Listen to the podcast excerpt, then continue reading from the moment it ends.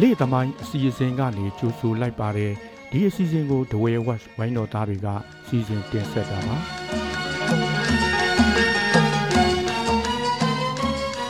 ဒီတစ်ပတ်မှာတော့စာရေးသူရနောင်ဒဝဲရဲ့ဗရစ်နေပြီးတော့အနီးကဒဝဲဓမာယုံဆောင်းပါးကို တင်ဆက်သွားမှာပါဒီဆောင်းပါးကိုတနင်္သာရီဂျာနယ်မှာ2015ခုနှစ်ဩဂုတ်လ30တရက်နေ့ကဖော်ပြထားခဲ့တာဖြစ်ပါတယ်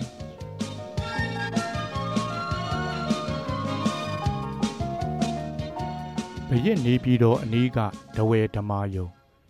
ပြီးခဲ့တဲ့2009ခုနှစ်လောက်ကပါဒဝဲသားဖြစ်တဲ့ကျွန်တော်ဟာအလုတ်အကင်တစ်ခုကြောင့်မန္တလေးမြို့မှာစတင်ခြေချဖြစ်ခဲ့ပါတယ်ကိုဒေတာနဲ့ဝေးကွာလှပြီးအတိမိတ်ဆွေဆိုလို့တယောက်တလေမှကိုမရှိတဲ့မန္တလေးမြို့တော်ကြီးမှာခြေချနေထိုင်ရတော့အတော်လေးကိုအထီးကျန်ဆန်လှပါတယ်အားလုံးကအတိမိတ်ဆွေတွေမဟုတ်ကြတော့အားငယ်တဲ့စိတ်ကလေးတွေလည်း တခါတလေမတိမသာကိန်းအောင်လိုပါပဲဒီနေ့မှာတော့ကျုံတော်ကြီးကိုပတ်လို့မန္တလေးတောင်ချီသွားမယ်ဆိုပြီးစိုက်ကယ်တစ်စီးနဲ့ထွက်လာရမှာမထင်မှတ်တဲ့နေရာတစ်ခုကိုတွေ့လိုက်ရပါတယ်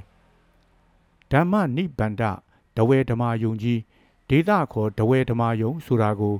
ကျုံမြောက်ဘက်လမ်းဖြစ်တဲ့12လမ်းနဲ့89လမ်းတောင်မှာထင်ထင်ရှားရှားနဲ့ခတ်ထဲစွာတွေ့လိုက်ရလို့ပါ အဲ့ဒီဓမ္မယုံကို တွေ့တွေ့ချင်းမှာတော့စိတ်ထဲမှာတိတ်ကိုအံ့ဩပြီးဝမ်းသာသွားမိပါတယ်တဝဲဒေသကလူတွေမရှိသလောက်ရှားပါတဲ့ဒီမန္တလေးမြို့ကြီးမှာတဝဲဓမ္မယုံတစ်ခုကိုချက်ချင်းကြီးတွေ့လိုက်ရတာဆိုတော့စိတ်ထဲမှာဘလို့ဝမ်းသာမိမှန်းကိုမသိတော့ဘူးပြီးတော့စိတ်ထဲမှာအားကိုအားထားတစ်ခုရလိုက်တလို့လို့နဲ့ကိုကိုကိုလည်းလုံခြုံသွားတယ်လို့ခံစားရပါတယ်တဝဲဆိုတဲ့နောင်မယ်နဲ့အဆောက်အအုံတစ်ခုသို့မဟုတ် အသင်းအဖွဲ့တစ်ခုခုကို အခြားနေရာဒေသမှာတွေ့လိုက်ရတာဟာတဝဲသားဖြစ်တဲ့ကျွန်တော်စိတ်ကိုနှွေးထွေးအားတက်စေခဲ့တာအမှန်ပါပဲအဲ့ဒီအချိန်ကစလို့နောက်ပိုင်းမန္တလေးမြို့မှာနေလာတဲ့တခြားလုံးကျုံမြောက်ဖက်လမ်းကိုဖြတ်မိတဲ့အခါတိုင်း၁၂လမ်းပေါ်မှာရှိနေတဲ့ဒဝဲဓမာယုံကို မဖြစ်မနေကြည့်ဖြစ်နေတော့တာပါတဝဲဓမာယုံကြီးကိုကြည့်လိုက်ရတဲ့အခိုက်အတန့်မှာလဲစိတ်ထဲမှာကိုဒေသကိုရရွာကိုခဏတာရောက်သွားမိသလိုပါပဲ အဲ့ဒီအချိန်တွေကကျွန်တော်စိတ်ထဲမှာမန္တလေးမြို့နန်းမြို့တော်ကြီးနဲ့နီးနီးကပ်ကပ်တနေရာမှာတဝဲဓမာယုံကဘလို့လှုပ်လာပြီးတီးရှိနေရတာပါလေဆိုတဲ့ပဟေလိတစ်ခုကအမြဲတမ်းညှိတွယ်လျက်ရှိပါတယ်ဒီတော့လဲမန္တလေးမြို့ကတဝဲဓမာယုံကြီးနဲ့ပတ်သက်လို့လက်လန်းမီတလောက်လေ့လာဖြစ်ခဲ့တယ်ဆိုပါတော့ဆရာနတ်မောက်ထွန်းရှိန်ရဲ့ဝင်းတွေနဲ့တီးခဲ့တဲ့မင်းနေပြီဆိုတဲ့ စာအုပ်မှာဖော်ပြထားခဲ့တဲ့အကြောင်းအရာလေးတစ်ခုကိုဖတ်မိခဲ့ပါတယ်အဲ့ဒီတော့မှဒီမန္တလေးနန်းမြို့အနီးမှာတဝဲဓမာယုံတီးရှိနေတာကို နားလေသဘောပေါက်မိခဲ့တာပါမင်းတို့မင်းကြီးဟာမန္တလေးမှာမြို့သစ်နန်းသစ်တီထောင်တဲ့အချိန်ကစလို့နန်းမြို့တော်ရဲ့မြောက်ပြင်နေရာမှာကွက်ချပြီးစစ်တမ်းလျား6လိုင်းစာမြနေရာချထားပေးခဲ့တယ်လို့ဆိုပါတယ်အဲ့ဒီစစ်တမ်းလျားနေရာမှာနေထိုင်ကြရတဲ့ စစ်တီအမှုထမ်းအများစုဟာရေးတဝဲမြိတ်တနင်းသာကြီးစတဲ့ဒေသတွေက လာရောက်အမှုထမ်းကြတဲ့စစ်တီတော်များဖြစ်ကြပါတယ်ဒါကြောင့်မြောက်ပြင်အရက်ကိုတဝဲစစ်တီတော်များနေထိုင်တဲ့အရက်အဖြစ်သတ်မှတ်ခဲ့ကြပြီးနောက်ပိုင်းအရက်သားများဝင်ရောက်နေထိုင်လာတဲ့အချိန်မှလည်းတဝဲအရက်အဖြစ်နဲ့ပဲလူသိများလာတော့တာပါတဝဲအရက်ထဲကိုနောက်ထပ်ဝင်ရောက်နေထိုင်လာကြတဲ့အရက်သားများထဲမှာပပဲအတတ်ပညာသည် ပဒိန်အတတ်ပညာသည်နဲ့တခြားလက်မှုပညာသည်များလည်းပါဝင်တယ်လို့သိရပါတယ်အခုလက်ရှိကျွန်တော်တို့တွေ့နေရတဲ့နန်းမြို့တော်ကြီးရဲ့မြောက်ပြင်ဖြစ်တဲ့12လမ်းနဲ့89လမ်းတောက်ကဒဝဲဓမာယုံကြီးဓမ္မနိဗ္ဗဒဒဝဲဓမာယုံကြီးဟာရှေးရခင်ကမြောက်ပြင်ဒဝဲအရက်မှာနေထိုင်ကြတဲ့ဒဝဲအဆက်အနွယ်များစုပေါင်းအားထုတ်မှုကြောင့်ပေါ်ပေါက်လာတဲ့အထင်ကရဓမာယုံကြီးတစ်ဆောင်ဖြစ်ပါတယ် ဒဝဲဓမာယုံဟာရှေးအရင်ကတည်းကနေတကယ်ကိုထဲထဲဝါဝါနဲ့တည်ရှိနေခဲ့တာပါကျွန်တော်တို့ဒဝဲဒေတာဟာမင်းနေပြည်နဲ့လှမ်းကွာလှတော့တာမန်အားဖြင့်တွေးရရင်ဘရစ်နန်းတော်နဲ့ဆက်သွယ်တိတ်မရှိဘူးလို့ထင်ချင်းစရာပါတကယ်တော့အဲ့ဒီလိုမဟုတ်ပါဘူးကျွန်တော်တို့ဒဝဲသားတို့ရဲ့တတ္တိဗျတ်တိနဲ့လေယုံကြီးစွမ်းပကားတို့ကြောင့်ရှေးအစဉ်အဆက်မင်းနေပြည်တော်များမှာထင်ထင်ရှားရှားနဲ့နေရာရခဲ့ပါတယ် အဲ့ဒီလိုဒဝဲသားများကိုနန်းတွင်းမှာအလေးပေးခံခဲ့ရတာဘရက်နောင်မင်းတရားကြီးလက်ထက်တော်ကလေးကဖြစ်တယ်လို့ဆိုပါတယ်အဲ့ဒီအချိန်ကလေးကနေနောက်ပိုင်းခေတ်အဆက်ဆက်ဘရက်နေပြည်တော်တွေမှာတဝဲသားမင်းမှုထမ်းများကိုအရေးကြီးတဲ့နေရာတွေမှာခတ်ထားလာခဲ့တာနောက်ဆုံးမင်းနှုံမင်းကြီးနဲ့တီဘောမင်းလက်ထက်တွေဖြစ်တဲ့ရတနာပုံခေတ်အထိပဲဖြစ်ပါတယ်အခုတွေ့မြင်နေရတဲ့ဓမ္မနိဗ္ဗန္ဒတဝဲဓမ္မယုံကြီးဟာ ယရနာပုံခေတ်ဘရစ်အမှုတော်ထမ်းတဝဲသားတို့နေထိုင်ရာတဝဲရက်ွက်သူရက်ွက်သားတို့ကောင်းမှုကုသိုလ်ကြောင့်ဖြစ်ပေါ်လာတဲ့ဓမ္မယုံကြီးပဲဖြစ်ပါတယ်။ကျုံမြောက်ဖက်လမ်းကိုဖြတ်သွားမိလေတိုင်းလမ်းပေါ်ကနေကြည်ကြည်ပြီးသာသွားနေတတ်တဲ့ကျွန်တော်ဟာတခါမှလည်းအဲ့ဒီဓမ္မယုံထဲဝင်ပြီးလေ့လာကြည့်ရှုမဖြစ်ပါဘူး။ဒီတခါမှတော့တခုတ်တယောက်ကိုသွားပြီးတဝဲဓမ္မယုံကြီးကိုလေ့လာဖြစ်ပါတယ်။ဓမ္မယုံကြီးဟာဆန္ဒလန်းပေါ်မှာ မြောက်ဖက်ကျုံကြီးနဲ့နမ်းမြို့ရိုးကြီးကိုမျက်နာမူပြီးတည်ရှိနေတာပါအပြင်ဘက်ကကြည့်လိုက်ရင်နှစ်ထပ်အဆောက်အုံလိုမြင်ရပြီးဓမ္မယုံကြီးရဲ့နန်းရအောက်ပိုင်းပတ်ပတ်လဲကိုမှန်စီရွှေချတွေနဲ့အလှဆင်ထားပါတယ်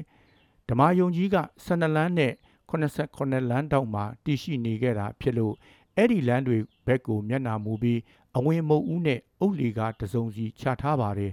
အပေါ်တက်ကြည့်လိုက်တဲ့အခါမှာတော့ကြဲကြဲပြက်ပြက်ရှိလာတဲ့ဓမ္မယုံအတွင်းပိုင်းဧရိယာနဲ့တစ်ဖြက်ဖြက်လက်နေအောင်မှန်စီရွှေချထားတဲ့အတွင်းနံရံများကိုခန်းညားစွာနဲ့တွေ့လိုက်ရတော့တာပါ။ခေါင်းရင်ဘက်မှာတော့မှန်စီရွှေချပလင်တန်းအရှိကြီးအပေါ်မှာကိန်းဝတ်နေကြတဲ့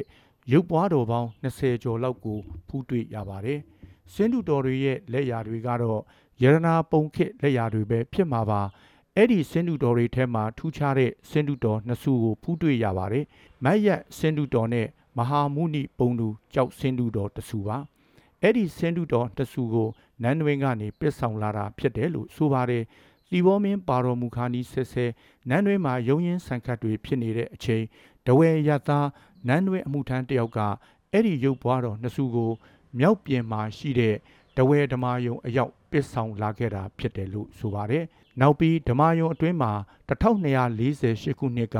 တဝဲဓမာယုံပုံဆိုပြီးဆွဲထားတဲ့ပကြီးကားတစ်ချက်ကိုတွေ့ရပါသေးတယ်။ပုံထဲမှာမြင်နေရတဲ့တဝဲဓမာယုံပုံကအခုလက်ရှိပုံစံနဲ့မတူပါဘူး။ပကြီးကားထဲကဓမာယုံကြီးမှာနမ်းမြို့တော်ဘက်မျက်နာမူထားတဲ့အပိုင်းကိုမုတ်ခုံး၈ခုပါအုတ်တိုက်ရှည်ကြီးတစ်ခုနဲ့ထက်သွင်းတိဆောက်ထားတာကိုတွေ့ရပြီးတစ်ဆက်တည်းရှိနေတဲ့အဆောက်အအုံကိုတော့ တက်သားတွေနဲ့ပဲတိဆောက်ထားပုံရပါတယ်။အခုလက်ရှိပုံစံကပကြီးကားထဲမှာမြင်ရတဲ့အဆောက်အအုံကို1993ခုနှစ်မှာအသစ်ပြန်လည်ပြုပြင်ပြီးတိဆောက်ထားခဲ့တာသာဖြစ်ပါတယ်။ကျွန်တော်အနေနဲ့မန္တလေးမြို့မြောက်ပြင်မှာတည်ရှိနေတဲ့ဒဝဲဓမာယုံကိုဘယ်ခုနှစ်မှာစတင်တိဆောက်ခဲ့တယ်ဆိုတာကို လေ့လာခွင့်မရသေးပါဘူး။ဒါပေမဲ့လည်းစီဘောမင်းလက်ထက်မှာကတည်းက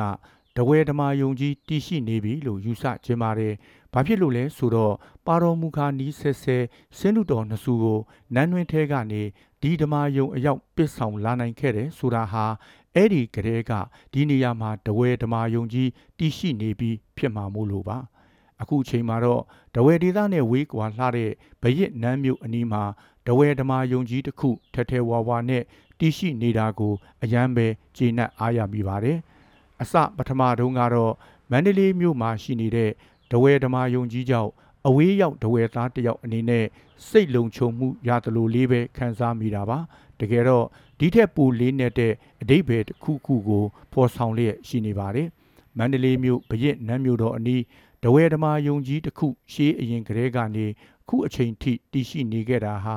ရတနာပုံခစ်ဒဝဲဒေသကမင်းမှုထမ်းတို့ရဲ့ ဘရစ်နန်းတော်အတွင်းအရေးပါအရာရောက်မှုရှိခဲ့သလိုမျိုးနန်းမြို့အပြင်ဘက်မှာလည်းရက်ွက်တစ်ခုအနေနဲ့ဖွဲ့စည်းနေထိုင်ပြီးစုပေါင်းဓမ္မယုံတစ်ခု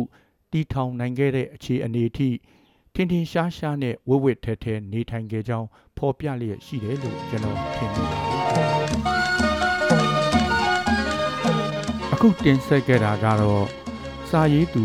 ရနောင်ဒဝဲရဲ့ဘရစ်နေပြီးတော့အနီးကဒဝဲဓမာယုံဆောင်းပါဖြစ်ပါတယ် အခုလိုနားဆင်ပေးခဲ့တဲ့အတွက်အထူးကျေးဇူးတင်ရှိပါတယ်ခင်ဗျာ